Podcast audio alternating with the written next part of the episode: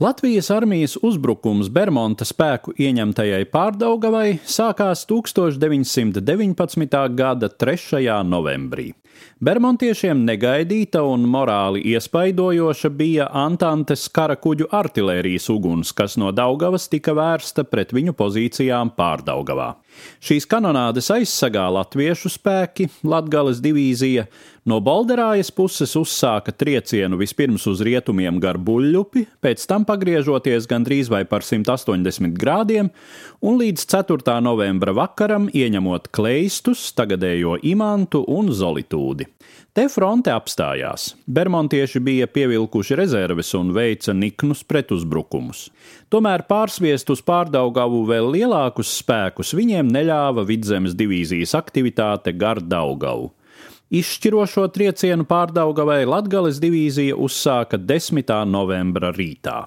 Tika atbrīvots tagadējās lidostas rajons, Šampēteris, Tālāk tagadējās Stradiņas slimnīcas teritorija, Zasulauks un vakarā pēc ilgākas kaujas arī Dzegūškalns. Kad naktī Latgales divīzija ieņēma Torņkalna staciju, bet Vidzemes divīzijas spēki pārcēlās pār Daugavu un ieņēma Ziepnieku kalnu un Bišu mūžu, vācu daļas, kas joprojām turējās tuvējā pārdaugavā, izrādījās ielēgtas. Tautas brāļus glāba nu pat no Vācijas ieradies Rosbacha brīvprātīgo pulks, pārraudams ielēkumu starp Ziepnieku kalnu un Tīraini un segdams Bermontiešu atkāpšanos Olainas virzienā. 11. novembra rītā Rīgas baznīcu zvani vēstīja, ka Latvijas galvaspilsētā vairs nav neviena ienaidnieka karavīra. Latgales divīzijas sastāvā šais kaujās piedalījās arī Maris Svētra, kurš atstājis vienu no spilgtākajiem un arī patiesīgākajiem Bermontiādes aprakstiem autobiogrāfiskajā romānā Divdūjiņas. 3. novembra uzbrukuma priekšvakarā nākamais operas premjers, guvis vieglu ievainojumu, nevarēja doties kaujā un pildīja rotas rakstveža pienākumus.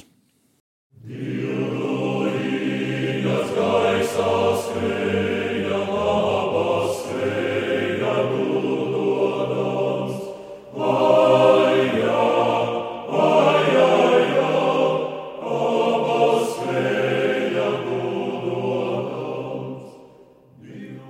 Es neatgriezos pie galda, bet gāju meklēt rotas komandieri.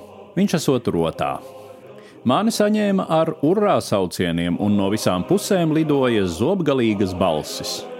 Hei, skrīver! Pieraksti manu sievas mātes adresi, Matīs ielā, numurs tāds un tāds. Par manu nāvi ziņo manai brūtei Grīziņa kalnā bet, ja kārkliņš noliek karot, tad raksti vērmaņu parka stūrī, Marijas ielas soņai, ka čomiņš vēl mirdams domāja par viņu. Taču arī šīs zobgalībās slēpās nopietnība, jo tie paši, kas sākumā zobojās, drīz vien pienāca, uzsita uz pleca un teica: Es zinu, pierakst arī manas vecenes adresi. Vienam šī vecene bija māte, otram sieva, Trešam vienkārši švircīte jeb šmarīte, bet katram bija kāda sieviete, kurai bija pirmajai tiesības zināt, ja kas notiek.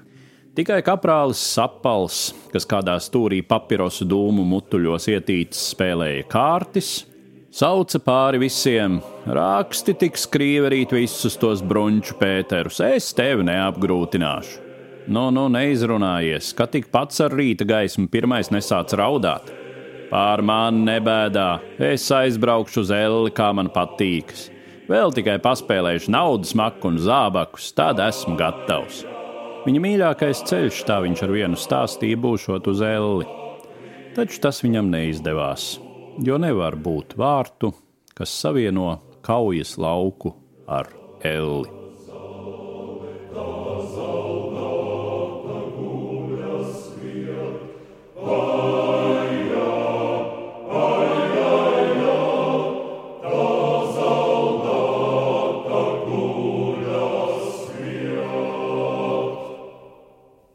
Stāstījumu sagatavoja Eduards Liniņš.